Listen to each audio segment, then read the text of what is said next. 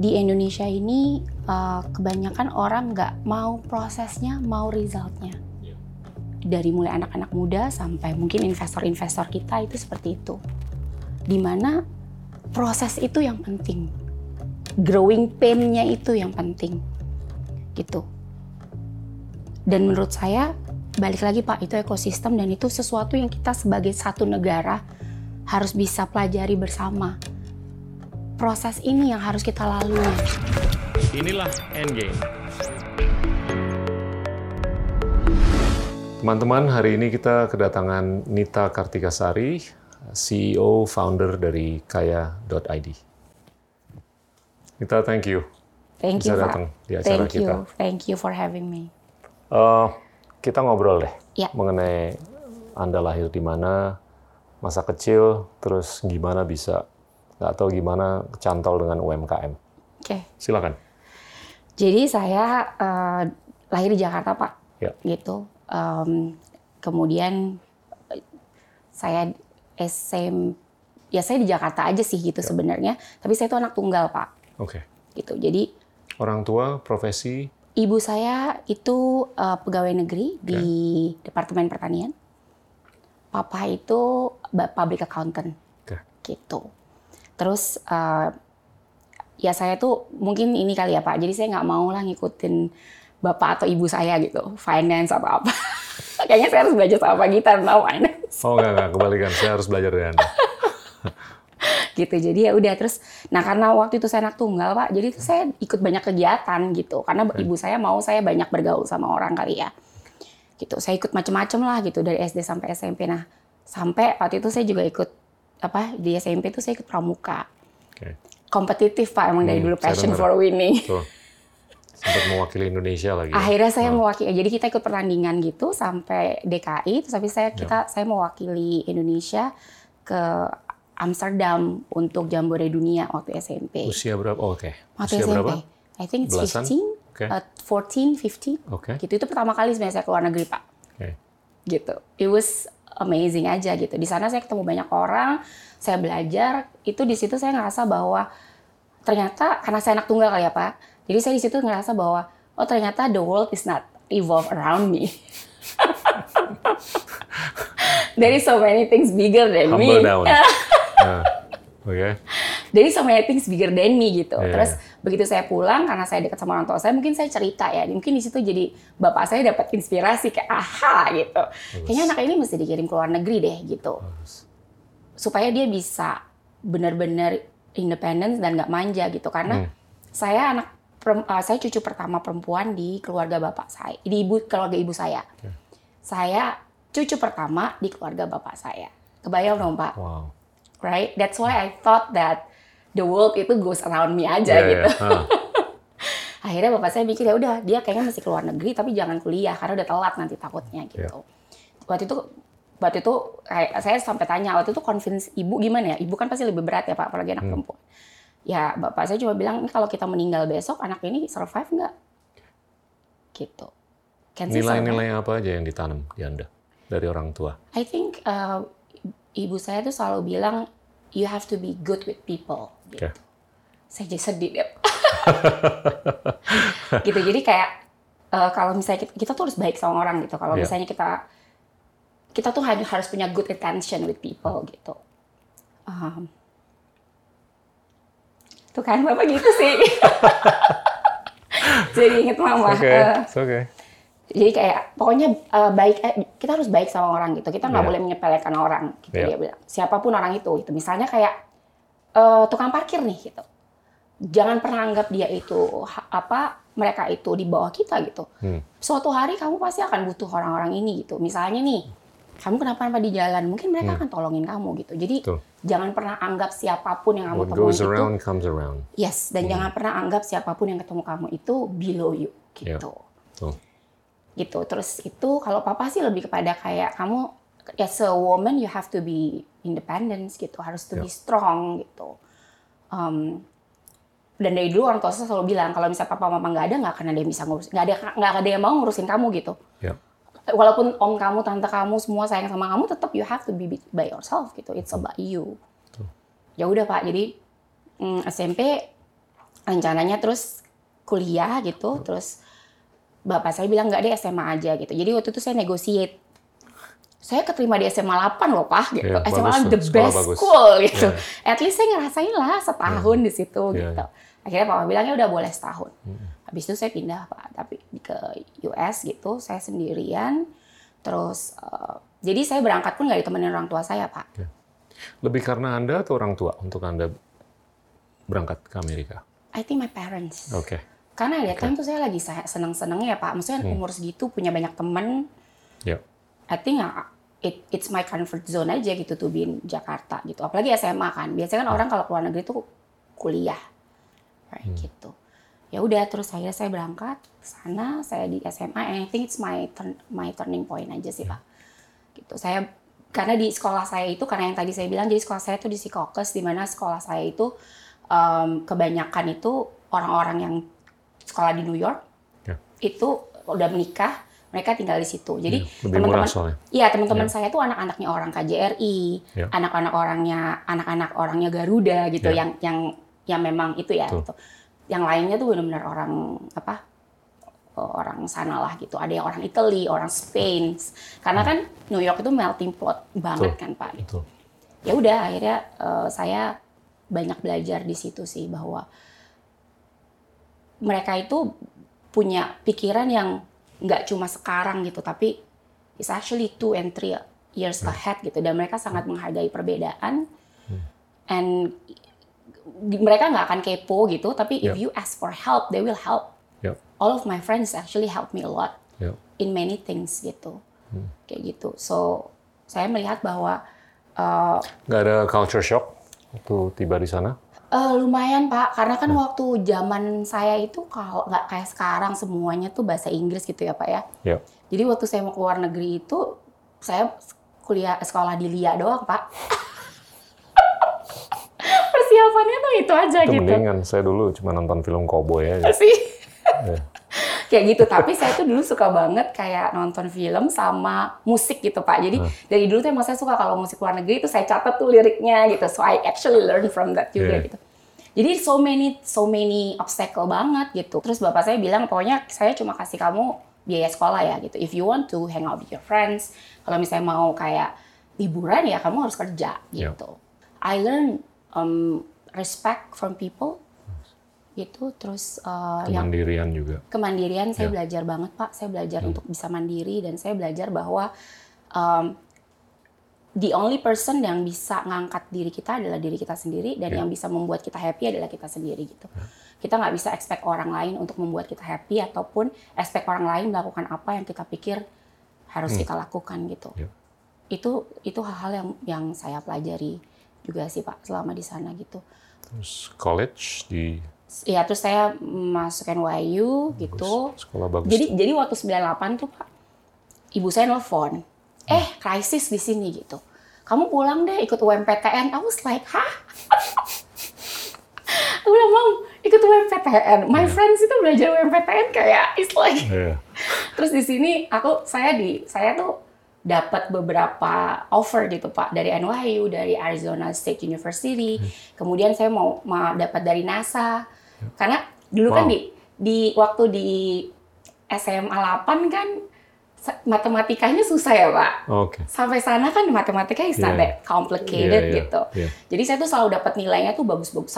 Dulu kan kalau di US tuh selalu ada kayak nilainya 100 tapi nanti ada extra points gitu. Iya. Saya tuh selalu dapat 110, 120 gitu. Jadi waktu itu ada ada something yang saya pikir oh NASA tuh apa luar negeri apa angkasa luar kayak interesting banget gitu. Jadi sempet tuh waktu ada uh, college ini di sekolah tuh mereka juga datang akhirnya saya apply iseng-iseng aja sih Pak. Iya. Ternyata diterima. Cuma Itu masalahnya kok- gampang loh. Ya, alhamdulillah luar terus habis itu tapi mereka ada kontrak gitu Pak, nggak bisa. Oke. Kayak jadi if you uh, if you working with us tuh kayak ada kayak some contract Oke. terus udah gitu kayak gitu gitu lah Pak pokoknya. Saya ngomong sama ibu saya, ibu saya no way. gitu. Uh, saya kirim kamu ke sana bukan berarti terus antum kamu nggak balik ya gitu. It's all of that gitu.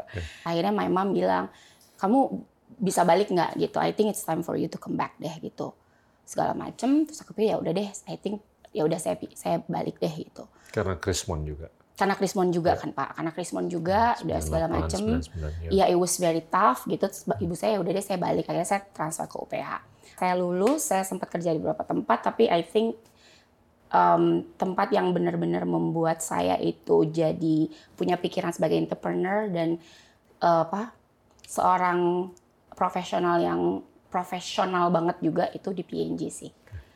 Gitu. Dan itu cukup internasional pengalamannya kan, dikirim Yes, ke mana-mana. kan. Betul. Jadi waktu Asia itu Tenggara. Ya. Iya waktu itu saya em, di Jakarta dulu. Waktu itu PR manager waktu itu Ya. title-nya. Tapi kan saya background-nya di mar- sebenarnya marketing juga karena Ya. sebelum di situ saya di L'Oreal. Pegang L'Oreal profesional untuk marketing Wow.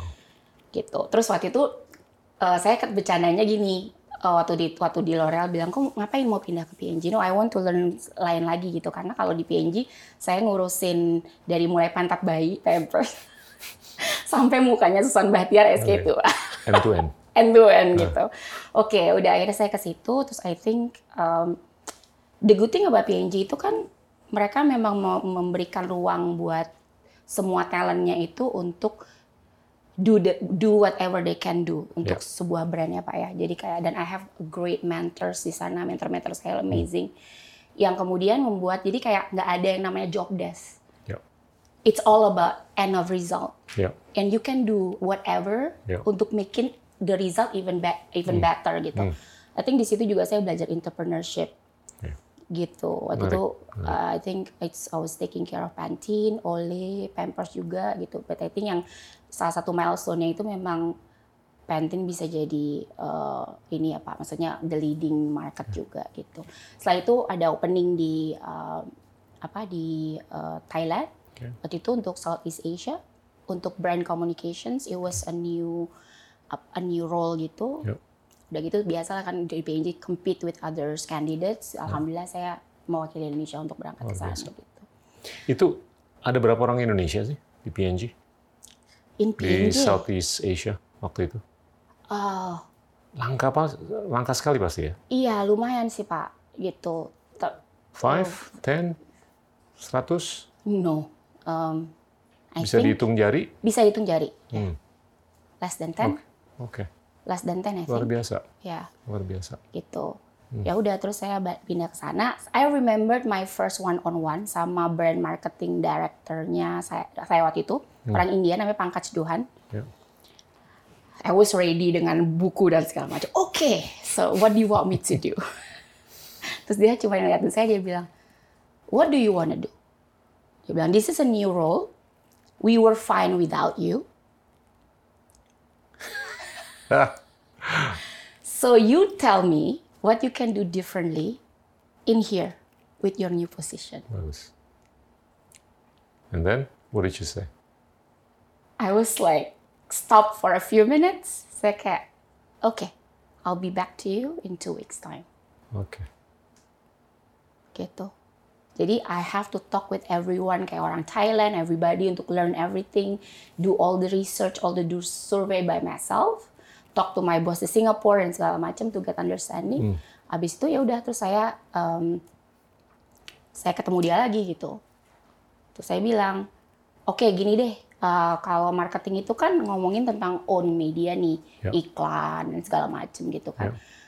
Nah, what I will do adalah gimana caranya orang-orang di luar brand kita gitu talking about us. Hmm.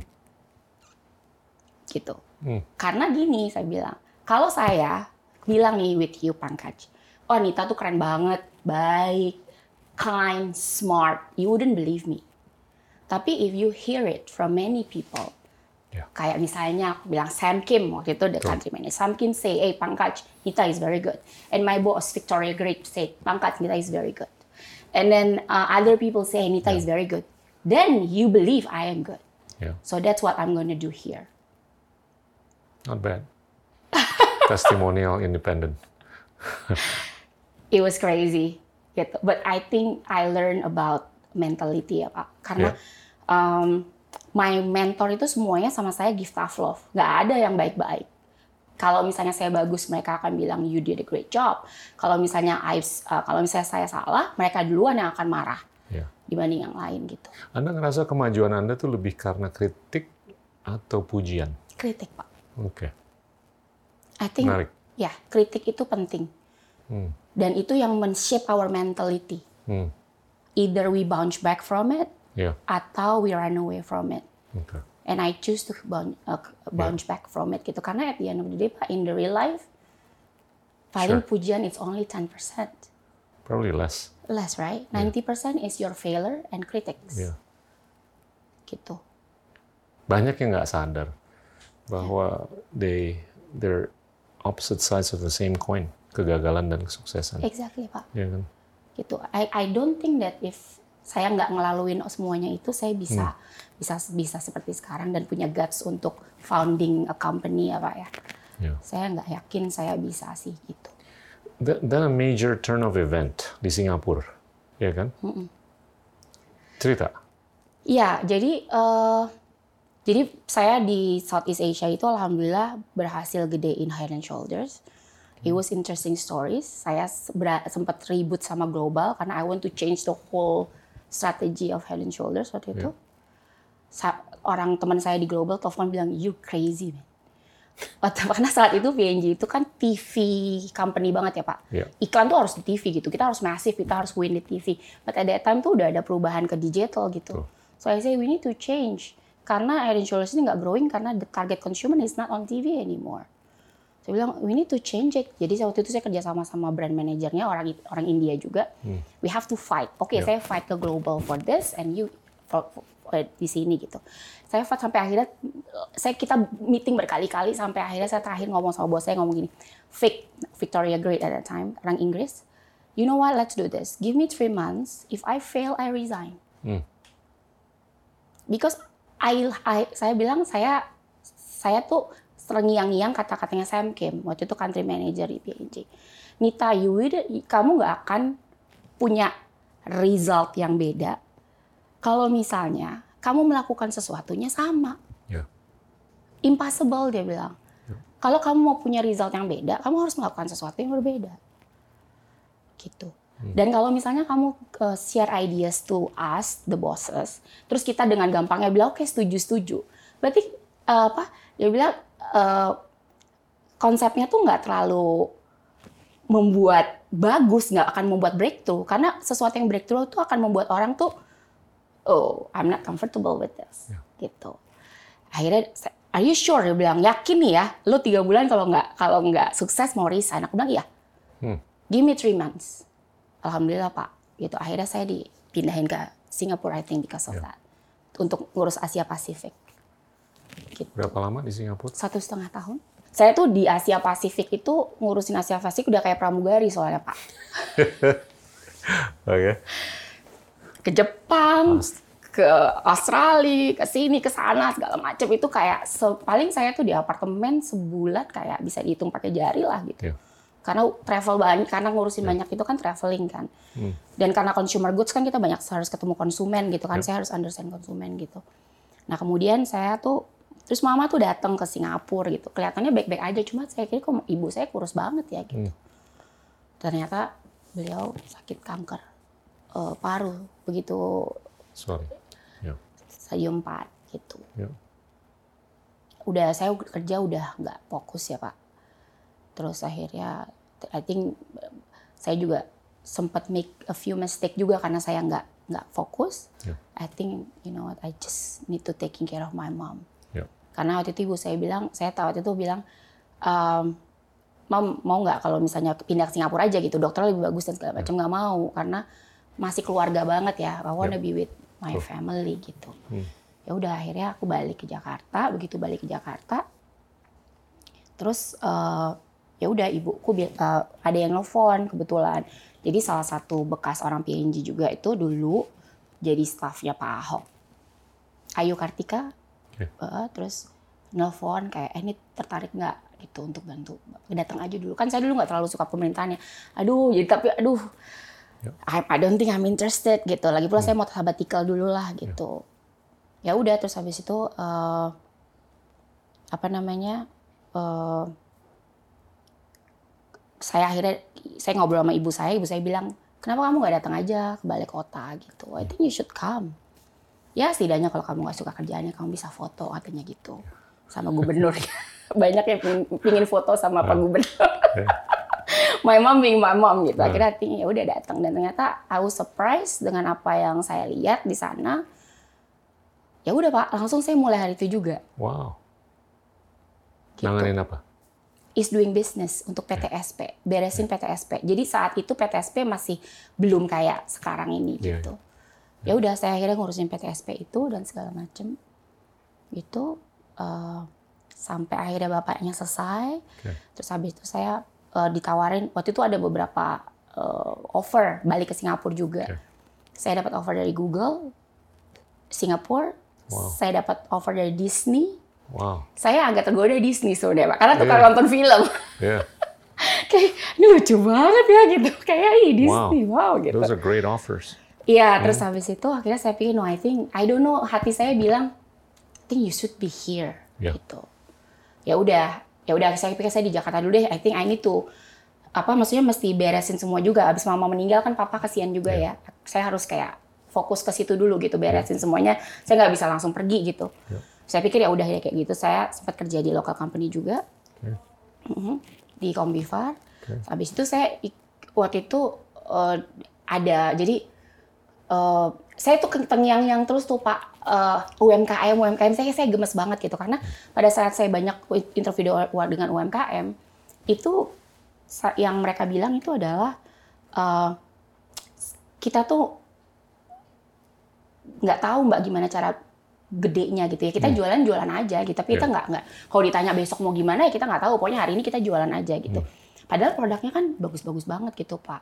Dan mereka bilang ya kenapa nggak ngerjain marketing bu? Waktu itu kan karena saya orang marketing dan branding Hmm. gitu. Gimana caranya? gitu. Nggak ngerti gitu. Dan kalau misalnya saya hire konsultan bakal mbak. Kalaupun saya bisa bayar ntar habis konsul- konsultannya kasih tahu saya suruh A B C D E F G saya ngerjainnya nggak ngerti. Oke. Gitu. Kalau misalnya saya hire marketer profesional, nggak ada yang mau mbak kerja buat UMKM. Betul. Kalau misalnya saya hi- hire agency, nggak bisa mbak saya bayar bayar apa eh, retainer fee. Hmm. Di situ tuh kayak bergejolak di, di my head gitu loh pak, kayak hmm, berapa lama prosesnya. Em, sampai sampai itu ya pak, Hmm. two years, no kidding Iya. wow lama tuh two years pak. Karena kan I'm from professional ya pak, Iya. maksudnya saya kan bukan entrepreneur gitu sebenarnya. Iya. It was two years. Saya ngomongin tentang ide. Pada at that time, Iya. saya tuh ngomongin tentang ide. Jadi dari 2016, 2000, mungkin satu setengah tahun lah Pak ya. Karena Iya. saya ngedirin kaya.id itu 18, eh 14 Februari 2018. Gaya, my Valentine's Day, Iya. my love for Indonesia. Cheesy but I was thinking it bener-bener Ah. waktu itu gitu. Jadi mungkin satu setengah tahun ya Pak. Karena saya kan ba- 2016 balik ke Jakarta Iya. kan. Jadi satu setengah tahun lah saya mikirin itu saya waktu itu at that time saya ngomong sama kayak ada kali saya ngomong ide saya ke 20 orang. 18 bilang you crazy. Ngapain lo ngurusin UMKM, Nit? Gitu. Udahlah lo balik aja ke Singapura kek atau ya udah lo sekarang kan juga jabatan lo juga udah bagus gitu ngapain sih ngurusin UMKM gak ada Iya. duitnya gitu cuma dua orang yang bilang I think you should do it satu Pak Richard Sambera which is now my partner Yep. uh, komisaris kita juga. Yang Mhm. kedua adalah Ibu Titi. Dia itu sekarang wa- di awal itu beliau jadi uh, angel investor saya. Oke.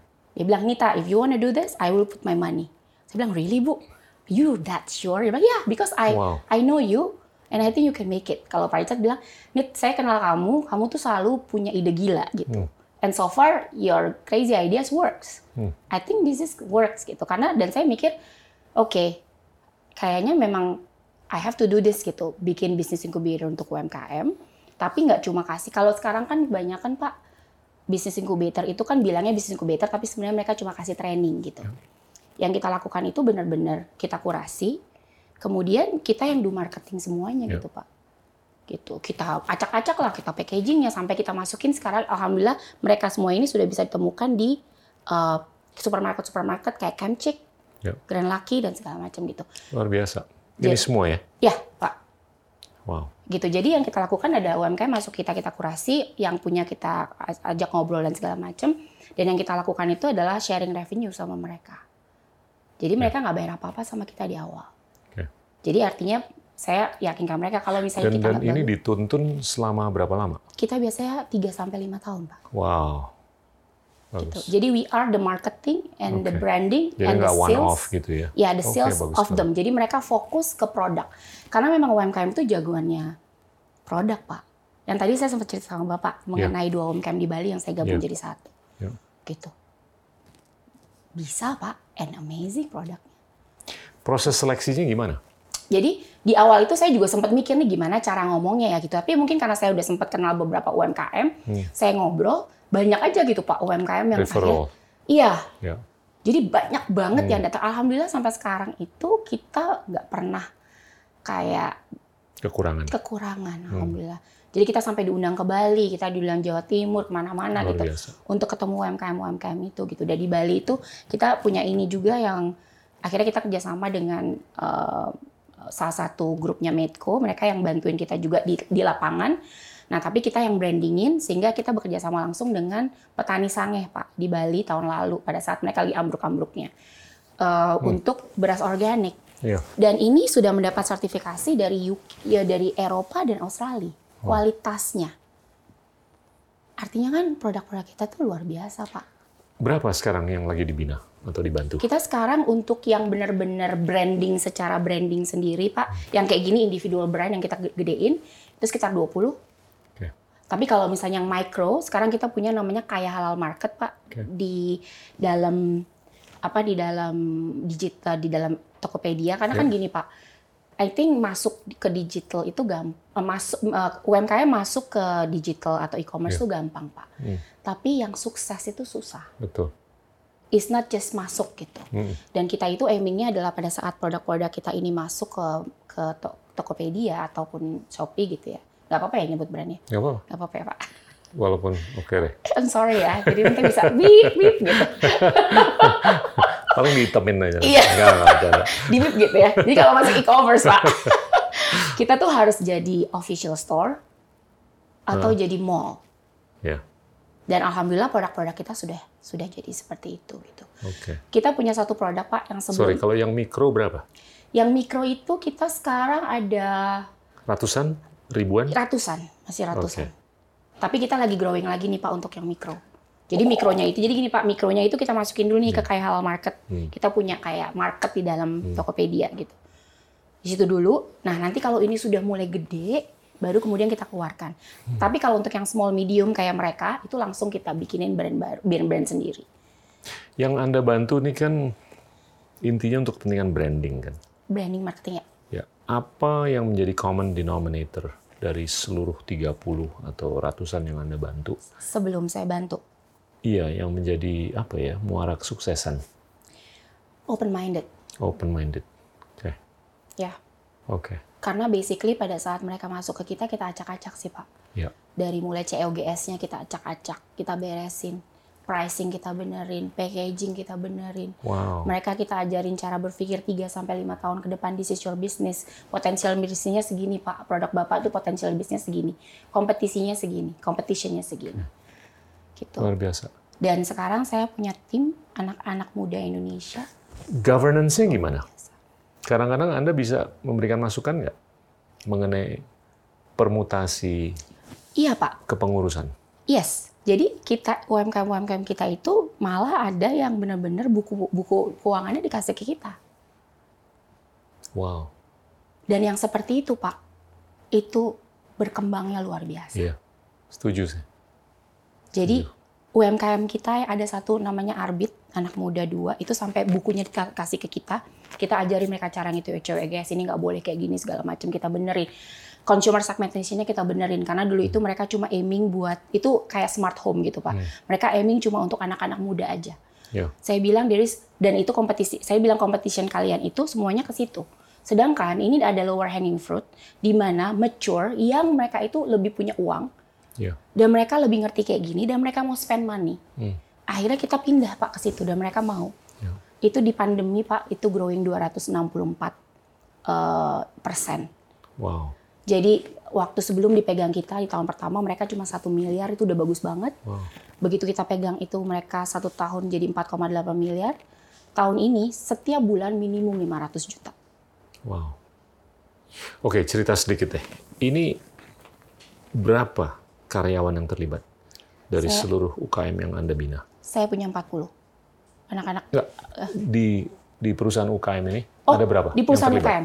Satu, Bukan bukan di Kaya oh, bukan di Kaya ya? ya? Wow, petani aja udah ratusan ya Pak. Oke. Petani ratusan. Eh, arak, arak eh, apa balista itu yang coffee Iya. liquor itu juga puluhan. Kemudian Kasarnya ribuan ada nggak? Kayaknya ribuan belum ya Pak, Belum. tapi mungkin di atas 500 ya. Oke. Dari seluruh 30 30 Dari perusahaan yes, itu. ya. Kalau yang tadi yang kayak Martnya itu, Oh, kayak Mart itu oke lah, stakeholders yang terlibat atau terkait ini berapa nih? maksudnya gara-gara kita gitu ya Ah. semua. Oh, itu sih mungkin lebih dari seribu Pak. Oke.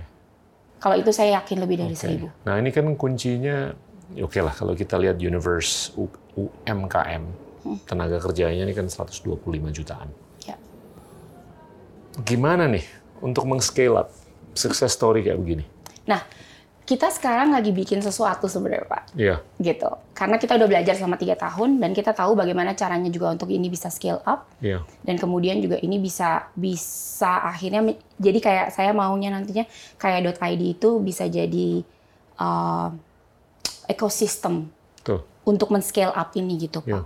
Di mana kita bisa connect juga dengan uh, produsen dengan barang apa dengan barang mentah misalnya. Hmm. kayak sekarang tim saya juga lagi coba untuk kerjasama dengan Tani Hub misalnya. Distribusi kita juga bekerja sama dengan beberapa hal misalnya.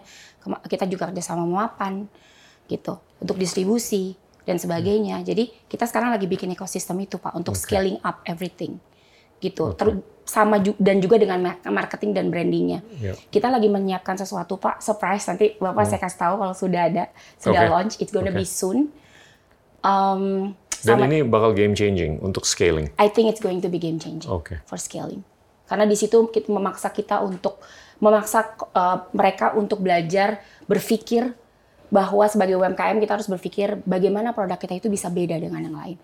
Karena gini Pak, menurut saya kenapa kenapa sih kok saya bisa membangun UMKM?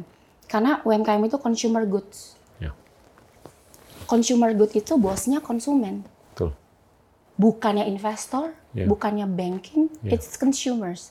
So if you if the consumers love your product Iya, like that, iya. gitu. Jadi memang nah itu yang kemudian sebenarnya saya mau uh, memberikan insight kepada semua stakeholder yang ada yang berhubungan dengan UMKM. UMKM itu consumer goods. Iya. It's uh, sukses atau tidaknya mereka itu ada di tangan konsumen. Iya. Jadi kit- bagaimana caranya supaya UMKM itu sukses? Kita harus banyak mempertemukan mereka dengan konsumennya, Iya. gitu. Supaya feedback loop-nya komplit, Betul. sempurna. Betul. Ya. Karena at the end of the day yang membuat mereka berhasil itu adalah konsumen. Ini kalau akses ke financing gimana mereka? Nah, Anda berperan nggak untuk menjembatani iya Pak. Jadi dengan apakah itu investor atau lembaga keuangan atau apa gitu? iya jadi eh, kita baru tim, tim saya baru survei Pak. Jadi Oke. survei antara UMKM yang dipegang dengan kaya.id dan UMKM yang belum dipegang. Iya. Eh, ternyata Pak dari survei tersebut dua-duanya itu sama-sama berpikir bahwa yang membuat mereka tidak bisa berkembang adalah yang ini bisnis strategi, marketing branding, baru finance. Oke. Yang ini juga sama, Hmm. marketing branding, kemudian baru finance. Ya. Yang berbeda adalah yang non uh, UMKM, Hmm. kebanyakan bilang mereka tidak punya motivasi dan tidak yakin mereka bisa sukses. Menarik. Yang dipegang kayak .id, Hmm. 100% mengatakan, I'm sure saya jadi gede dan saya akan sukses. Luar biasa. Gitu. Survei ini baru banget Pak dikondak sama tim saya bulan ini. Gitu. Jadi semua yang dipegang kayak .id bilang saya bisa sukses dan saya yakin bisa sukses. Nah, They just need a chance. Yes, they just need a chance gitu. Nah, Iya. mengenai tadi Bapak ngomong tentang finance, menurut saya ini Iya. menarik sekali. UMKM itu kalau saya bisa jujur kan terjepit ya Pak. Terjepit antara bank dengan visi Hmm. Ya. gitu. banking ini at the end of the day walaupun membantu UMKM ada kur dan segala macam di lapangan pun mereka mereka tetap minta kolateral Yep. karena bank memang seperti itu pak kita nggak Hmm. bisa salahin banknya nggak bisa salahin aturannya gitu Yep.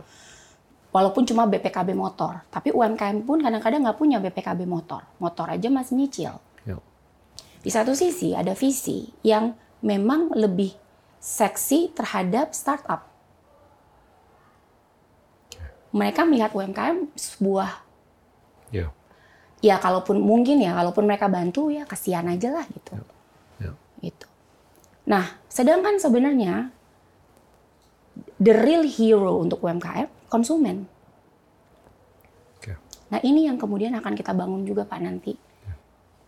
Di di ekosistem yang akan kita launch segera ini bagaimana sih supaya konsumen ini banyak ketemu nantinya dengan Jadi belum ada satupun yang sudah mendapat fasilitas. Sudah Pak. Pinjaman jadi dari- eh, jadi kita kerjasama dengan grupnya BAV.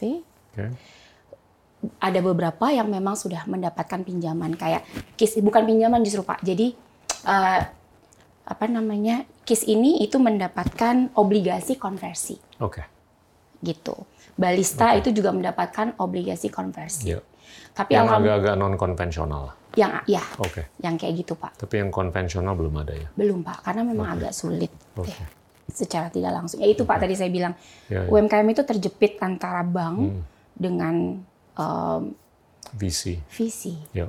Ya, gitu. Nah, justru Pak sebenarnya yang kita dapatkan itu kebanyakan adalah angel investor. Ya. Jadi, kalau ada project Menarik. baru, biasanya saya ngobrol nih sama beberapa orang yang saya tahu mau jadi angel Hmm. investor. Mau nggak invest ini? Nanti kita present ke mereka. Ya. Nah, biasanya mereka tuh, Pak. J- Dan sebenarnya UMKM itu kalau angel investor itu udah cukup sih, Pak. Ya. Karena kan mereka cuma perlu modal untuk Selama awal. konsumen suka barangnya. Exactly, itu semuanya jadi muter dan itu cepat. Iya. Jadi sebenarnya yang mereka perlu itu sebenarnya hanya angel investor. Ya. Nah ini sebenarnya edukasi juga yang mau saya kasih gitu. Um, bag- harus banyak sekali angel angel angel investor yang mau. Kalau sekarang kan saya masih teman-teman deket saya nih, Ya. eh mau nggak gitu. Tapi kalau misalnya nanti Berapa sih typical investment size? maksimum 1 m pak Oke. untuk Yang UMKM paling kecil berapa? 200 juta Oke. hanya untuk modal awal biasanya. Dan Kan itu cuman one off atau sekali aja terus cukup ya? biasanya gitu. Pak. Lepas landas. Yes. Oke. secukup satu kali. Menarik. Karena karena kan biasanya gini Pak, mereka biasanya punya modal untuk bikin 10 produk. Ya. Begitu di marketing dan brandingin sama kami, jualannya 100 produk. Mereka kan jadi butuh Pak yang 100 produk ini. Ya. Tapi kan kemudian setelah kita benerin ke, apa keuangannya, Hmm. harga jualnya, against COGS dan segala macam, jadi lebih sustain. Ya. Karena akhirnya kan uangnya muter. Gitu. How do you market this? Gimana Anda bisa menyuarakan ke orang yang punya 200 juta, 1 M untuk membantu? I mean, your voice has credibility kan? Ya. Nah itu gimana tuh untuk bisa lebih disuarakan? Nah, ini salah satunya di sini ngobrol sama Bapak. Oke, oke, That's oke. one of Oke, it. oke, sorry. Nggak maksud saya kayak nggak Oke. just dia I think this one is Iya, one iya, of iya. it gitu. Tapi at the moment memang um, saya yang itu tadi Pak, saya ngobrol sama teman-teman saya Iya, dan karena mereka melihat produknya, oh wow, MKM bisa kayak gini ya. Iya. Udah ini nih daripada uang saya saya taruh di bank di deposito, Tuh. saya Apalagi kalau growth-nya bisa Iya, 100-200 persen betul, beberapa tahun pertama, ya kan? iya Pak, gitu. Ya udah saya taruh di sini deh gitu. Mungkin pertama saya angel investor, setelah itu saya masuk. Dan ini semuanya cash flow positif, profitable, Alhamdulillah cash flow positif Pak, luar biasa. gitu. Oke. Oke. Ini kita udah ngalamin pandemi kan, Iya. 16-17 bulan terakhir ini. Iya. Banyak sekali yang kesulitan, Iya. ya kan? Dan cerita deh mengenai siapa atau gimana mereka ini bisa survive. Dan nggak mungkin mereka bisa survive tanpa dilakukannya adaptasi atau Iya. adjustment. Ya. Coba deh diceritakan. eh itu tough ya Pak ya. Iya. Maksudnya em, tough karena kan kita benar-benar shutting down ya. Dan tapi kan ini semuanya dialami orang seluruh dunia ya Pak. Ya. Dari perusahaan besar sama perusahaan kecil. Eh, Alhamdulillah UMKM UMKM kami ini semuanya tuh sudah masuk ke dalam digital ecosystem. Ya. Gitu. nggak ada yang tidak melakukan digitalisasi Nggak yang ada survive yang selama tidak, ini dari seluruh apa klien atau mitra kalian Nggak ada pak. nggak ada oke Iya, gitu. Jadi semuanya itu sudah di digital ecosystem Oke. dan kita menggunakan itu sebagai suatu uh, apa advantage ya pak ya. Karena gini pak, perusahaan besar pun pada saat pandemi mereka gagap di digital kan pak. Iya. Apalagi perusahaan-perusahaan yang mereka merasa, wah saya di offline udah juara kelas kok. Betul. Gitu. Jadi sebenarnya UMKM dan perusahaan besar Iya. masuk ke digital di saat yang sama Iya. Iya. gitu. Dan saya selalu bilang UMKM itu harusnya bangga sekarang. Kalau kalian sudah Tokopedia, kalian sejajar dengan perusahaan-perusahaan besar lainnya. Kalau sudah official store Hmm. atau sudah jadi mall. Karena itu adalah the highest ranking. Kalau kita masuk Plaza Indonesia, saya bilang, dulu kan masuk terus uh brand-brand gede gitu kan. betul Nah sekarang kalian itu kayak gitu anggapannya. Masuk Plaza Indonesia, sejajar nih sama brand-brand gede, tapi di digital. Gitu. Hmm. Nah pada saat semua mas, pada saat perusahaan besar dan perusahaan kecil mulai dari titik yang sama masuk ke digital pak, menurut saya itu adalah advantage yang dimiliki oleh produk-produk UMKM Iya. partner kami. dan untungnya mereka tuh dari awal memang sudah bisa menunjukkan keterbukaan Iya, ya kan Iya. untuk mereka yang mungkin nggak ngerti mengenai digitalisasi Betul. dikarenakan bekal tadi dalam konteks keterbukaan open minded betul pak. mereka bisa kan melakukan adaptasi Betul Pak. Ya. Jadi pada saat kami itu ketemu UMKM, kami interview ownernya dulu biasanya Pak. ya Kalau di kalau kita sudah lihat bahwa beliau apa owner ini tidak punya keterbukaan tadi, biasanya kita tidak akan teruskan. ya Karena buat saya keterbukaan itu yang paling I, I think that is the most crucial iya, ya kan Iya. precondition iya betul. untuk mungkin keterlibatan anda dengan siapa pun Betul Pak. sulit loh zaman ya ini kan perubahannya itu cepat dan banyak Iya, sulit kalau sekali. nggak ada keterbukaan Dan mereka itu benar-benar harus ya mereka harus legowo istilahnya ya Pak Iya. kalau bahasa Jawa untuk benar-benar dirubah semua gitu. iya Pak ini rasanya terlalu mecin nih, nggak boleh kayak gini. betul betul Oh yo harus ngurusin BPOM, harus ini, harus itu. Begini, begitu. Packaging saya ganti ya, label saya ganti. Bahkan ada yang namanya kita ganti. Hmm. Gitu. Ini ya kita udah lihat lah dalam 16-17 bulan terakhir ini banyak yang nggak bisa melakukan adaptasi. Betul. Mereka yang tidak bisa melakukan adaptasi itu mengalami kelumpuhan temporer. Betul. Bahkan ada beberapa yang mengalami kelumpuhan permanen. Ya. Ya kan? Itu sangat disayangkan. Tapi saya tetap ngerujuk ke gimana nih untuk Anda tuh bisa scale up supaya ya jutaan Ya. tenaga kerja yang ada di UMKM ini atau mikro UMKM itu bisa diberdayakan atau bisa berdaya, Betul, Pak. ya kan? Itulah yang saya bilang, em, sebenarnya yang penting itu adalah bukan masuk ke digital ya, Pak. Tapi sukses Ya. di digital. Iya, Dan itu yang paling penting. iya, iya. Nah, setelah kami tiga tahun bergaul secara dekat dengan UMKM, kami tahu apa kesulitannya, loophole-nya di mana dan segala macam. Akhirnya ya ini kita sekarang sudah punya nih Pak satu formula untuk membuat ini scale up. Hmm. Jadi secara tidak langsung itu akan memaksa UMKM ini untuk berpikir produk saya ini harus beda dengan yang lain Ya. pada saat saya ngomong, jadi saya saya akan saya- eh, platform yang sedang kita siapkan ini Pak, itu akan memaksa UMKM untuk berpikir bahwa gimana caranya supaya konsumen suka sama saya ya, Ya. gitu. Karena kalau konsumen suka sama saya, investor pasti lirik Pak. Ya. Oh, yang beli banyak ya, Hmm. saya mau deh, karena saya udah nggak harus dulu valuasi dan segala macam lagi. Ya. Tinggal lihat aja, ternyata yang beli banyak nih. Ya. gitu kan? Berarti secara tidak langsung itu sudah mem- apa sudah melegitimasi bahwa UMKM ini bisa berkembang Hmm. dan punya sesuatu yang unik gitu. Kayak misalnya jamu kita gitu ya pak ya. Beda banget sama yang lain. Karena kita konsepnya itu benar-benar dibuat gimana caranya supaya bisa masuk ke anak muda. Caranya gimana? Konsepnya itu adalah jamu on the rock Oke, apa tuh? jamu yang bisa diminum dingin dan rasanya bearable. Oke. Warnanya menarik. Adik kita punya jamunya itu anti kolesterol warnanya biru. Wow. Digestion warnanya coklat. Warming warnanya ungu. Pelangsing warnanya pink. Dan tim saya belajar ke Solo tentang membuat jamu itu seperti apa. Dan katanya jamu itu diminum panas atau dingin, khasiatnya sama. Hmm. Gitu. Saya mau tanya, kalau kesadaran Anda terhadap kesehatan, Ya. itu menjadi pertimbangan nggak untuk apakah Anda mau membantu Iya Pak. seorang pengusaha UMKM? Iya. Eh, Kalau dia bikin produk yang kolesterolnya tinggi banget, tapi enak dan laku, would you help him or her? Atau Anda, ah, ini nggak sehat nih untuk orang Indonesia nih Nah, depan? jadi eh, pemikiran kita memang kalau saya Pak, saya Iya. tuh selalu memilih yang sehat. Oke. Kenapa? Karena ke depan 4-5 tahun ke depan itu tentang sehat. Iya. Jadi kalau misalnya dia high kolesterol, ya kita lihat Bapak bisa modifikasi nggak? Oke. Gitu. Karena ini nggak hanya tentang kesehatan, tapi juga whether we like it or not, tren ke depan itu akan Iya. tentang kesehatan. Iya. Makanya kalau produk-produk kita kan beras organik, harus organik. Hmm. Dan punya sertifikasi eh, Eropa dan Australia. Iya. Untuk orang tahu bahwa ini memang benar-benar bagus. Betul. Tempe, Indonesia banget Pak. Iya. Itu. Kemudian eh, sambal, sambalnya juga harus fresh. Iya.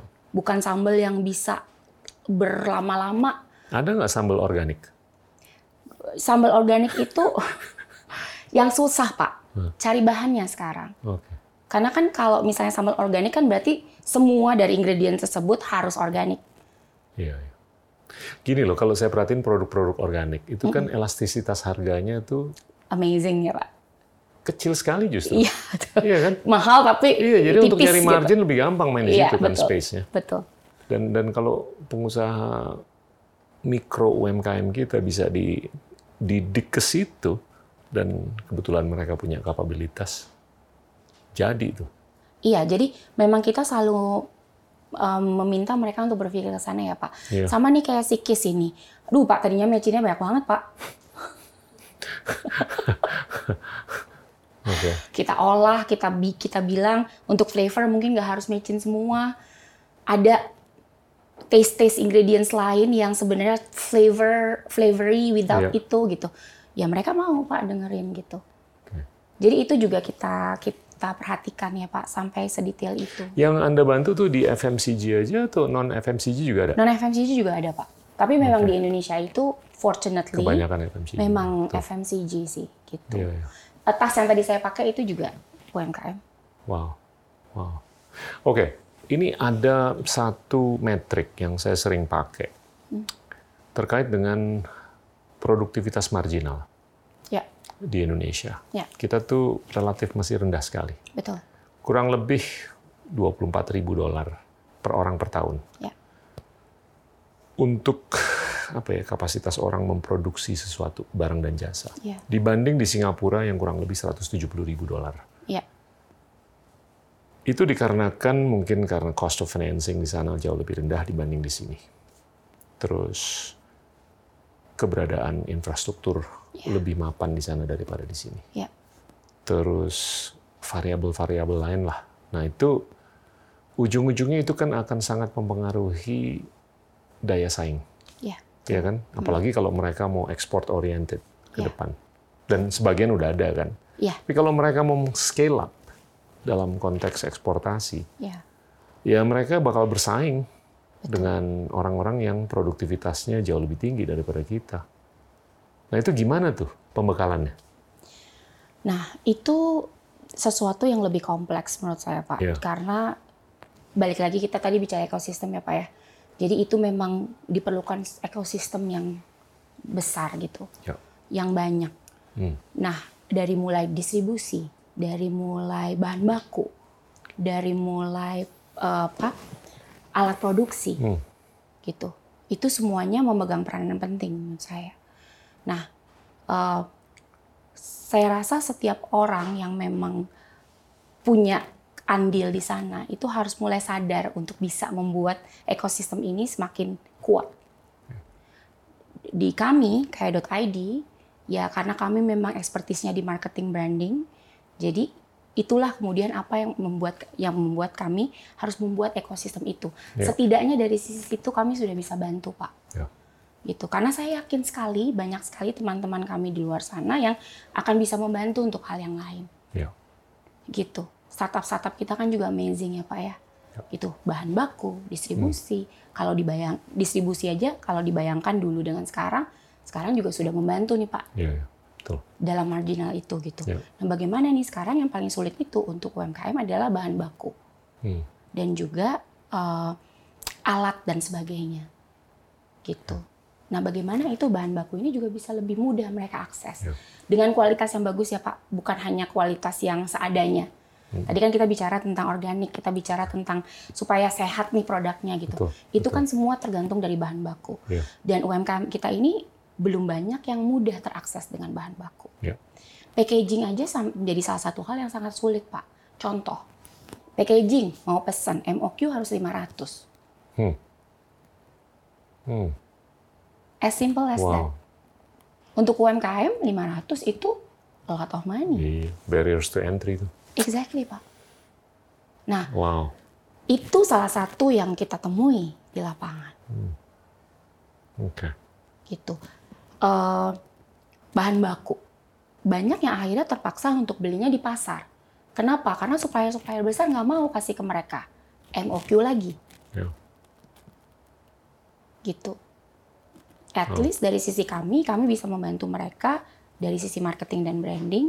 Kemudian juga nanti eh, mudah-mudahan eh, para apa angel investor investor itu bisa membantu mereka untuk bisa sehingga mereka at least bisa produksi 500 sesuai dengan MOQ dan kemudian 500 ini dengan marketing dan branding terjual Ya. gitu. Dari dari seluruh perusahaan yang Anda bantu atau bermitra itu end game-nya mereka itu apa sih? Exit untuk diakuisisi atau end game-nya tuh mereka bisa mengkristalisasi nilai lewat IPO atau apa? Untuk Udah saat ada nggak sih visinya mereka gitu? Visi mereka belum sih Pak, Hmm. tapi pada saat saya bicara sama mereka saya kasih secara tidak langsung visi kami. Ya. Balik lagi Pak, karena ini consumer goods. Jadi saya sih berpikirnya exit game-nya harus IPO. Oke.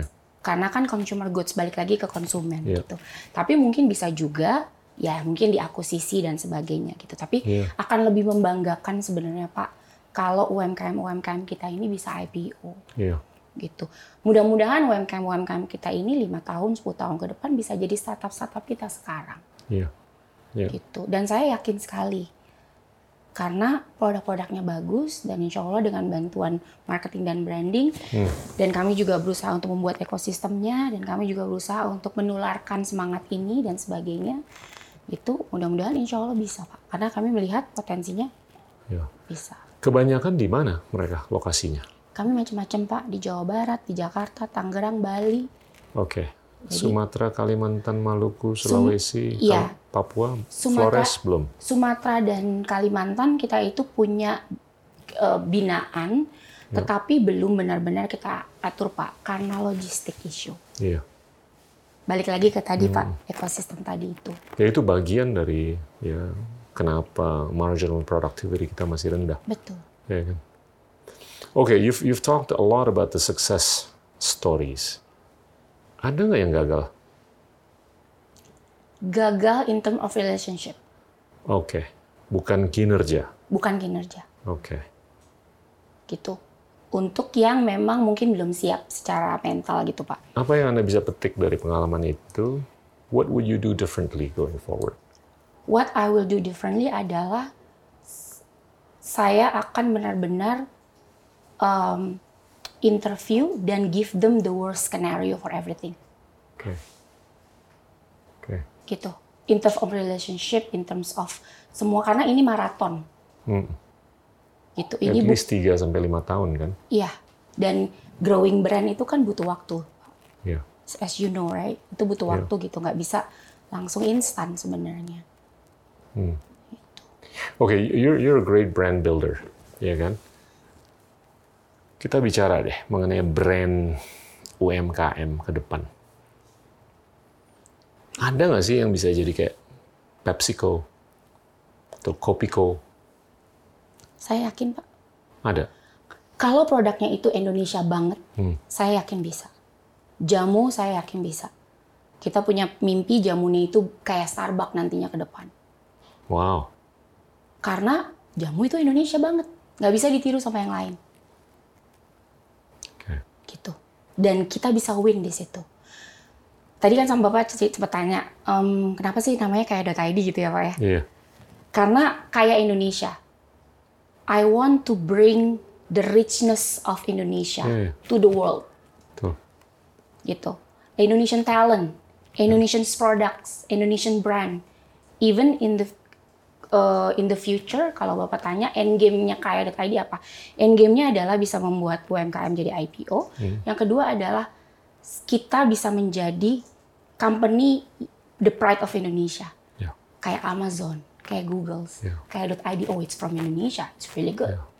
Gitu. Tapi begini loh, ada sesuatu yang cukup sistemik. Modal nih kebanyakan berada di luar, bukan di dalam negeri. Betul. As brilliant as any idea di Indonesia can get, kalau nggak ditempel dengan fulus, Betul, Pak. nggak bisa global kan. Let's be real Yes. and let's be realistic. Iya. Nah itu itu cukup sistemik loh. Iya, Amazon tuh bisa gede ya karena ada triliunan dolar di sana, exactly. ya kan? Exactly. Dan mereka sabar, patient capital. Ya, Mereka sabar nunggu 20 tahun sampai akhirnya profitable. ya, Ya kan dari awal 90-an baru di tahun 2000-an ya, betul. profitability-nya Amazon tuh mulai kelihatan sustainable. Nah, di dalam negeri ini nggak nggak banyak yang sabar nunggu 20 tahun. Ya kan? Sampai perusahaan itu bisa profitable dan jumlahnya juga Sedikit. terbatas. Nah, Nah, gimana tuh kalau kita mau mengglobalkan atau mengglobalisasikan brand salah satu, beberapa atau kebanyakan atau semua dari ini. Tapi kalau fulusnya nggak ada, itu mau yang- nggak mau kan keniscayaan loh nih. Iya, betul. Kita harus nempel dengan duit-duit dari luar. Betul. Nah itu agak tabrakan tuh dengan aspirasi Anda untuk mengindahkan brand kaya yang mana Indonesia tuh kaya dengan brand tapi nggak kaya dengan duit. Duit. Nah, itu sih Pak. Maksud saya balik lagi ya Pak ya. I think what I learn juga selama saya di luar negeri itu kan mentality and we respect the process. Ya, ya, Di Indonesia ini uh, kebanyakan orang nggak mau prosesnya, mau resultnya. ya, gitu. Dari mulai anak-anak muda sampai mungkin investor-investor kita itu seperti itu. ya, Di mana proses itu yang penting. Growing pain-nya itu yang penting. Gitu. Dan menurut saya, balik lagi Pak, itu ekosistem dan itu sesuatu yang kita sebagai satu negara harus bisa pelajari bersama. ya, Proses ini yang harus kita lalui ya, ya. gitu. Orang tahu Amazon seperti yang Bapak bilang sekarang. Mereka nggak tahu they are struggling for 20 years ya, sebelum sekarang. ya. Gitu. Tapi kelebihannya mereka, pemodal-pemodal mereka, itu nggak give up. Ya, Karena mereka sabar. betul. Bedanya di sini mungkin nggak sesabar mereka. Kalau menurut Bapak Ya kan? gimana Pak? Maksudnya Bapak kan dari Saya- finance ya. What Saya lihat ini chicken and egg. Oke. Semakin Anda bisa mengindahkan brand, Ya, semakin Anda tuh dalam posisi yang sangat authoritative Mhm. untuk mensosialisasikan kepentingan kita untuk meningkatkan jumlah uang beredar atau likuiditas atau modal. ya, Gimana caranya ya? Dan ini nggak perlu diselesaikan dalam satu dua bulan. Ini prosesnya panjang-panjang kan. Betul. Anggaplah ini 3 sampai 5 tahun, tapi ya, Anda udah membina 30 pengusaha, sukses semua.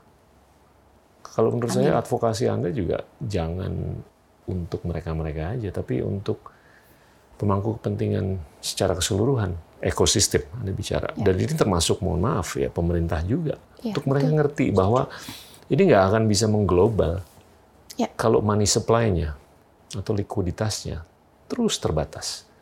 Nanti kita akan terbelenggu dengan fenomena di mana hanya modal dari luar ya, Betul. Dan ketergantungan kita terhadap modal dari luar itu semakin tinggi kan. Bukan berarti kita nggak mau modal luar, ya kalau emang nggak ada di dalam negeri kita harus keluar. Tapi kalau aspirasi Anda adalah untuk mengglobalisasikan brand Indonesia, syukur-syukur dengan dukungan dari orang-orang Indonesia Ya, secara holistik, bukan hanya brand building, tapi secara keuangan, betul. itu luar biasa. Ya kan? Ya. Anda udah terlibat nggak dalam diskurs, diskursus atau diskusi dengan orang-orang di pemerintahan atau siapa pun lah yang bisa nyambung ke sana mengenai sukses story yang ada di sini? Terus terang belum, Pak. Oke, Karena saya orang yang saya harus buktikan dulu setuju. saya ada sukses story Iya, dan saya ngobrol. iya, iya. Saya nggak mau ngobrol pada saat masih wacana. Iya. Kenapa sih kok kita baru di tahun ketiga ini Betul, betul. mau mulai bicara? Karena kita sudah punya hasil-hasilnya, Pak. Sorry loh, saya bukan mau menyampaikan No. bahwa you have to depend on the government, bukan ya. Iya, Tapi iya, iya. ini nanti at some point diukur aja. Iya, Pas kena gitu, mereka harus ngerti gitu loh ke depannya. iya. Nah, hmm, silakan. Iya, eh, itu sih Pak. Jadi memang kami, saya juga sudah mulai mau untuk banyak apa ikut membuka diskusi dan sebagainya sekarang, Iya, karena memang kami sudah punya sukses story-nya. iya, Kami sudah banyak dapat learning-nya nih. Jadi pada saat ngomong itu udah tahu banget nih Pak, tadi loophole-nya di mana, Iya. jatuh bangunnya seperti apa dan harus gimana gitu. Hmm. Makanya saya juga tadi bilang kan Pak, UMKM tuh kejepit antara Iya. bank sama visi betul, gitu. Mereka di tengah nih. betul, Yang ini nggak bisa, yang ini merasa ini kurang seksi. betul. Padahal mereka ini yang bisa berkembang. Oke, Consumer goods lah Pak. Sekarang kan perusahaan-perusahaan besar di dunia, banyak kan consumer goods. P&G, Iya. Unilever, Nestle, Pepsi, Coca-Cola, consumer goods. Iya. Gitu. Tapi mereka itu masih belum dilihat. Nah, kami berharap juga dengan kami banyak bercerita sebagai kaya.id, mereka juga jadi terangkat. Hmm. Gitu. Iya. Cerita-cerita ini yang yang harus tahu. Ya, government sudah membuat sebuah jalan nih Pak sekarang iya, tugasnya tugas kami adalah membuat jalan itu jadi lebih indah dan supaya bisa lebih smooth lagi lah setidaknya Ba- setidaknya sekecil itulah yang bisa kita lakukan untuk saat ini betul. gitu karena kalau sudah ada sukses story kan orang akan lebih punya Oh iya semangat pasti. Credibility-nya lebih iya lebih gampang untuk Anda minta apa pun atau bercerita mengenai apa pun. iya betul Dan gini deh, saya mau tarik lagi nih. Gimana untuk kita bisa nge-brand Indonesia? Beberapa kali kita bicara dengan beberapa narasumber bahwasanya Indonesia tuh sering kali is underrated. Iya kan? Padahal dengan atribut yang luar biasa, populasi terbesar nomor 4 di dunia, demokrasi terbesar nomor 3 di dunia, ya Muslim majority yang terbesar di dunia. Tapi kalau keluar negeri itu mereka kayak nggak tahu menahu mengenai Indonesia seperti apa yang kita inginkan gitu loh, ya ya kan? Ya. Di mana mereka lebih tahu mengenai negara-negara yang jauh lebih kecil. Karena negara-negara yang lebih kecil tuh yang lebih diketahui itu karena brand buildingnya mungkin lebih keren. ya Gimana sih pandangan Anda? Di luar produk-produk begini ya, Iya. untuk nge-brand Indonesia nih. Saya akan jawab seperti experience, my experience ya Pak ya Iya. saya selalu percaya Indonesia itu bisa terbrand dari our each of individual kita dulu sih Pak. Hmm. Pada saat kita berinteraksi dengan mereka seperti apa gitu. Pada saat saya itu pengalaman saya di Thailand, Ya. em, saya memimpin em, orang-orang yang nggak bukan orang Indonesia, Ya. semua. Bos-bos saya bukan orang Indonesia, apalagi di Asia Pasifik sampai Jepang dan segala macam. Mereka lihat, wow, Indonesia is amazing ya. Ya. They see it through me. Gitu. They, they see it through Pak Habibie. Ya. They see it even through you. Well, this is No, about I you mean. I mean, enggak, maksud saya, that's what I'm saying gitu loh Pak. Ah. Di, Bapak itu kan juga di di dunia juga namanya bagus gitu. Right? I always believe let's start from us as individu, Iya, iya. act like Indonesian, Ya. gitu. Jangan pernah takut untuk bilang saya orang Indonesia Mm, dan this is me Iya. dan ini kami, ya. gitu. Dari situ, dari situ kalau menurut saya itu yang bisa membuat kita menjadi dari situ dulu sih Pak. Kalau ini dari pengalaman saya ya. Ya. dari saya, dari saya, dari Bapak, dari anak-anak Indonesia yang lain, gitu. Dari kita semua sebagai bangsa. Karena eh, misalnya gini, Indonesia tuh memang mudah-mudahan dari yang kecil-kecil itu jadi menjadi besar ya Pak ya, menjadi terlihat gitu, Ya. menjadi kelihatan lah. Saya sih udah seneng nih Pak, banyak film-film hebat sekarang yang main udah orang Indonesia. Iya, iya. Terus kayak film Hollywood Joe Taslim. Iya, Joe Taslim. Hmm. Sekarang film Hollywood aja kayak eh, apa namanya? Hmm, Iko Uwais. iya, film Hollywood itu sudah nyebut Indonesia. Misalnya, lo mau ke mana? Oh, I'm going to Indonesia. Ya. Atau segala macam. Itu udah ada berapa? Itu kan artinya kita sudah mulai. Dan dari seorang Joe Taslim, dari seorang Gita Wirjawan, dari seorang Nita, Ya. orang bisa melihat Indonesia dari sisi, oh Iya, iya. ternyata orang Indonesia tuh profesional ya. Wow, Iya, orang. Indonesia ternyata smart ya. Oh ternyata mereka itu humble ya. Ternyata mereka tuh hebat ya. Nah dari situ kan lama-lama akan terlihat ya Pak. Jadi kayaknya saya bis, hanya bisa menjawab dari situ ya Pak untuk itu. Iya. Dari pengalaman saya sendiri. Iya. So it's from each of our individu. Hmm. Kita harus bisa melihat Indonesia. Kita harus bisa mau menjadi Indonesia. Nggak usah takut bahwa kita itu orang Indonesia Iya. gitu. Uh, misalnya kita di luar ya kita bilang orang Indonesia, kita pakai sebagai orang Indonesia, kita sopan ya karena orang Indonesia seperti itu, gitu. Jadi Ya. jati diri itu dan dari kita sendiri. Saya yakin sekarang di Hollywood pun ngelihat Indonesia dari sosok Joe Taslim bilang Indonesia keren ya, Ya. profesional ya gitu. Ya. Oh, it's great ya, Ya. gitu. Ini juga saya lihat ini mungkin titik infleksi untuk Asia Tenggara dan Indonesia di mana dengan aksi korporat seperti apa yang baru aja terjadi dengan Gojek dan Tokopedia, Ya, terus juga dengan Grab, Ya. juga dengan Traveloka. I think we're getting to be on the radar, ya, ya kan, more so than ever, yes, ya kan. ya, Dan ini untungnya digitalisasi ini telah mengakselerasi. Betul, evolusi apa pun lah yang menurut saya sih net positif ya, untuk kita ke depan. betul. Tapi kalau balik ke pengalaman Anda, Anda waktu di PNG, you're one of five, one of ten. Tapi saya yakin waktu di PNG itu jauh lebih banyak orang Indianya. Ya, Iya kan? yes, Gimana supaya ada 100 nita di PNG? ya, Gimana supaya ada 100 nita yang bisa seperti Anda mendirikan kaya? Supaya ini multiplisitasnya ya. terasa gitu loh. Iya. Nah, eh, ini sebenarnya yang saya reapply juga Pak di Ya. kaya.id. Jadi Hmm. di kaya.id ini company kita punya culture, kita punya prinsipal, Ya. kita punya bagaimana cara eh, bersama dan dan saya mem- mempercayakan brand-brand ini dipegang sama anak-anak muda. Oke. I'm giving them tough love. Describe tough love. Tough love itu tim saya tahu lah. Kalau if they do great, I will say good job. Kalau mereka nggak doing great, apalagi berhubungan sama UMKM, iya, I'm gonna be very tough. Look, they're smiling. Oke. Tapi- Oke, let- talk about this. When you recruit, apa yang Anda cari? Resilience. Hmm.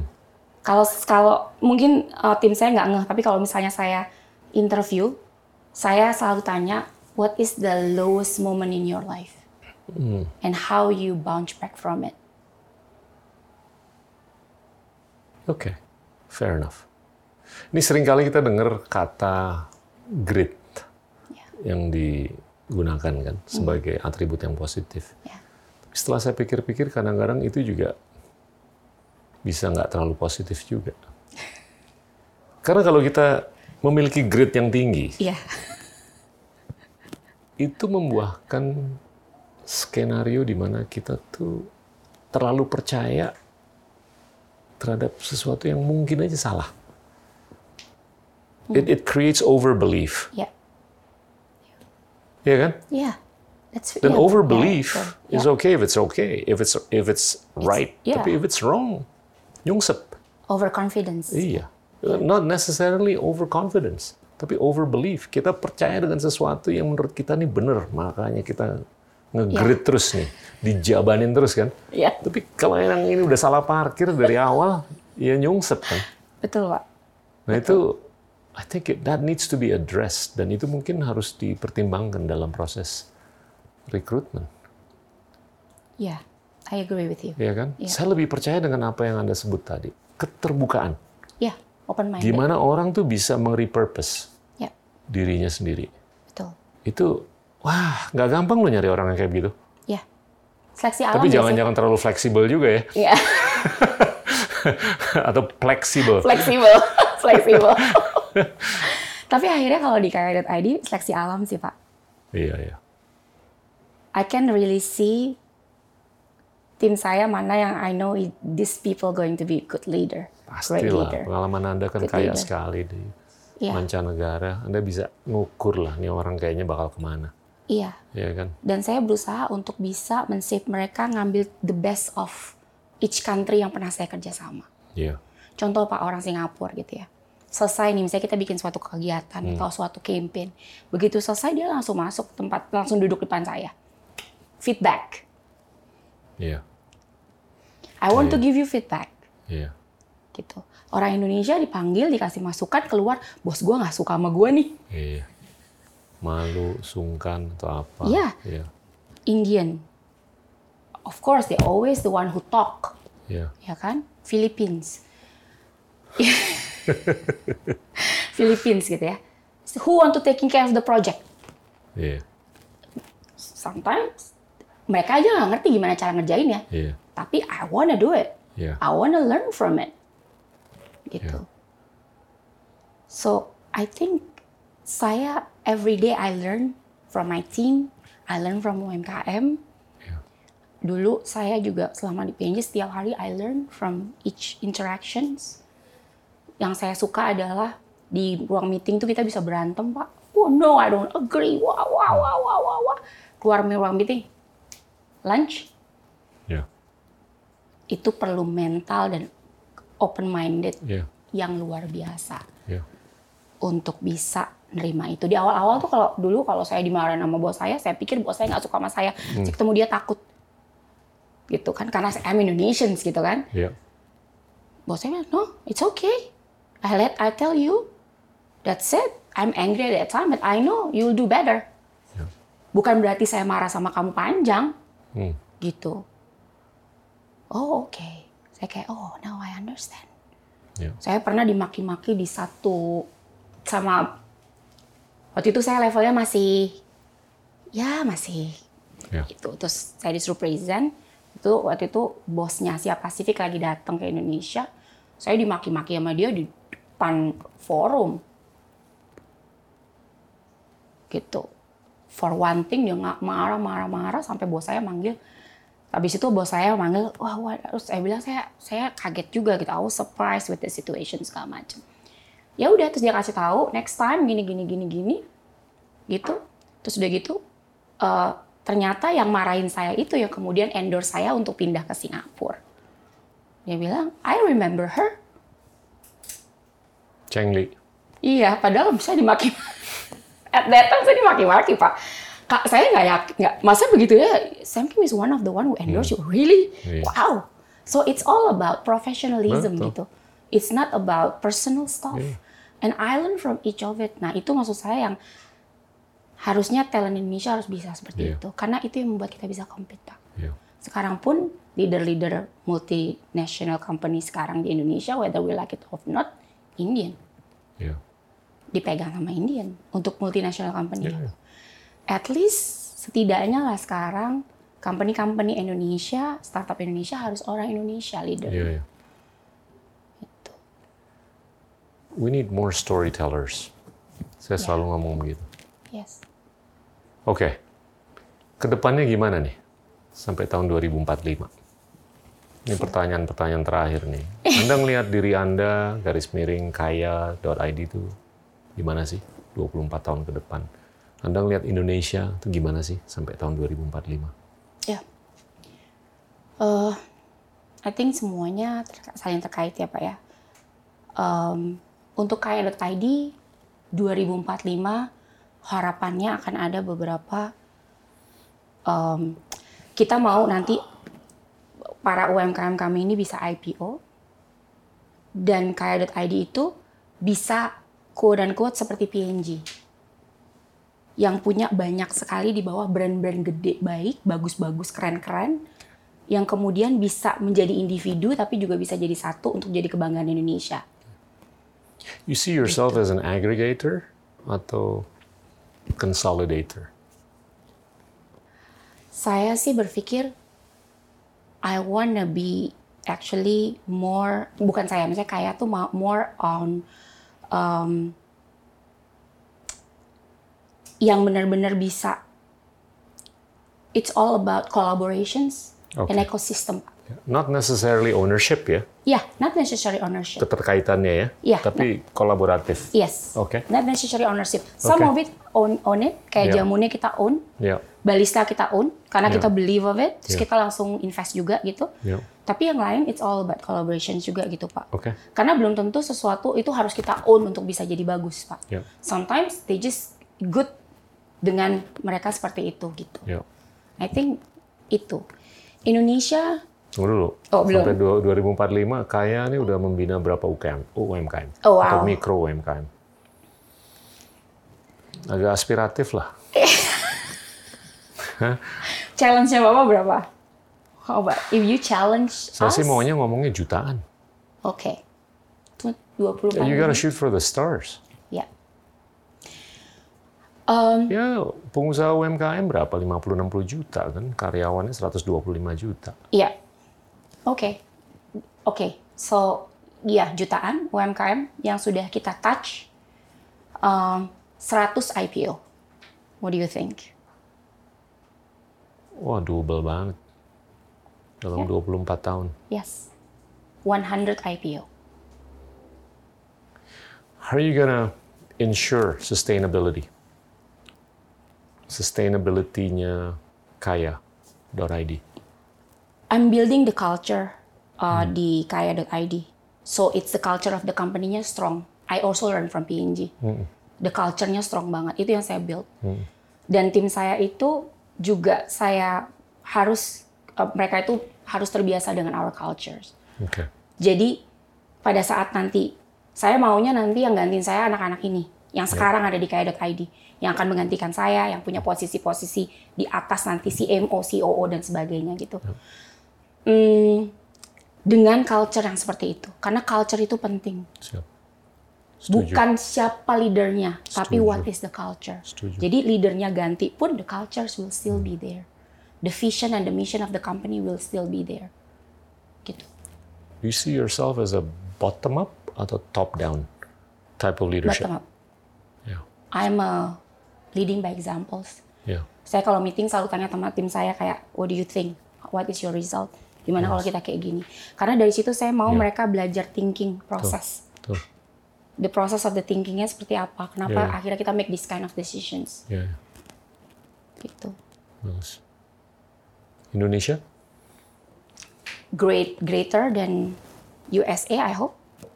Wow, oke. Dalam konteks apa? Eh, eh, ekonomi mungkin nggak ya Pak, masih masih maksudnya ekonomi kita yang tadi kita masih banyak yang harus dibenerin, tapi Yeah. I think we getting there. Ya. Tapi at least in terms of the name, Ya. orang tahu orang tahu USA, orang akan tahu Indonesia. Hmm.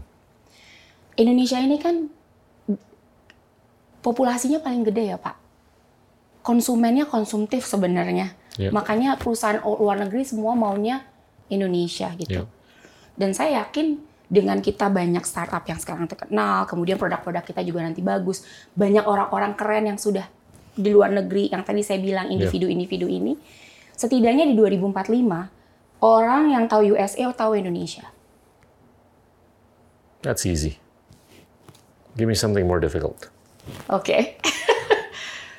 In- ini, oke, Bapak bilang tadi saya uh, at least the 24 tahun tuh masih lama loh. 24 tahun Maksudnya, masih lama. oke nggak terlalu lama tapi ya cukup lama. cukup lama ya. Kalau by then semua orang yang tahu Amerika udah tahu Indonesia tuh terlalu gampang. Gitu ya. We can achieve that sooner.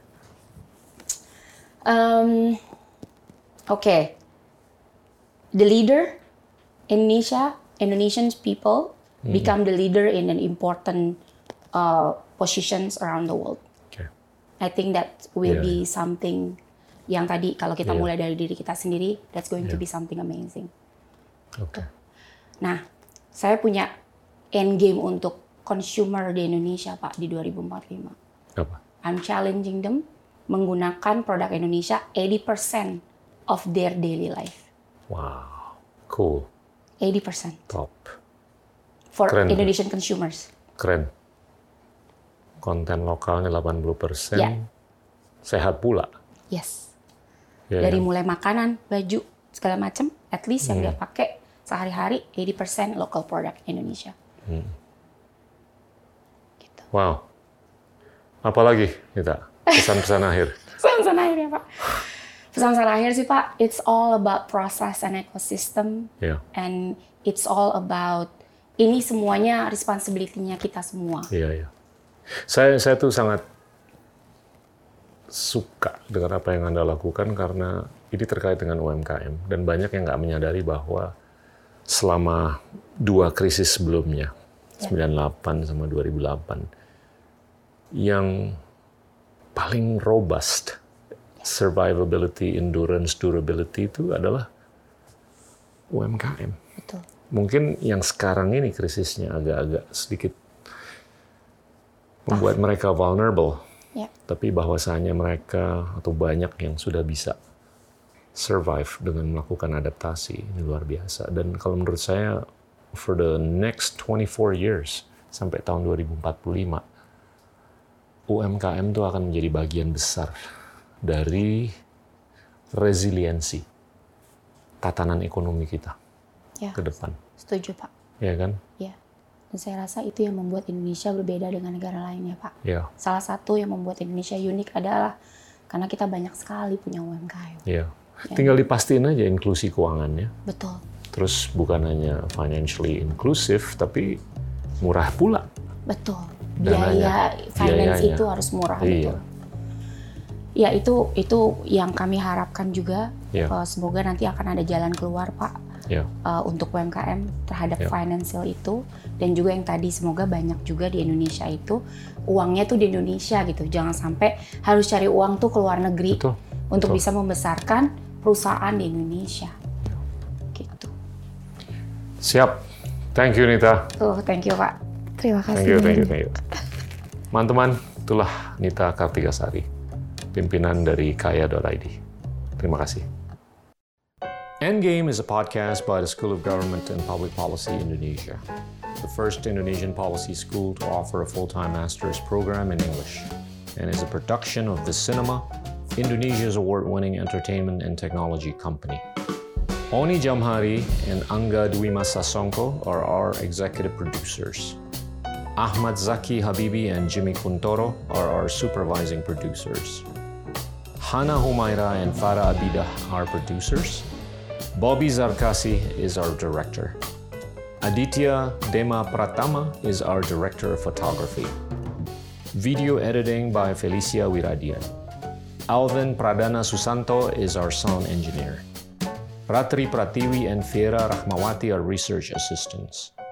Aulia Septiadi and Ferdizal Oktama are our graphic designers. Transcriptions and translations by Isfi Afiani. The song you're hearing is by Niall Giuliarso, Ferdinand Chandra, and Philippus Cahyadi, mixed and produced by Gibran Wiryawan. The production of this episode adheres closely to the local authorities' health and safety protocols.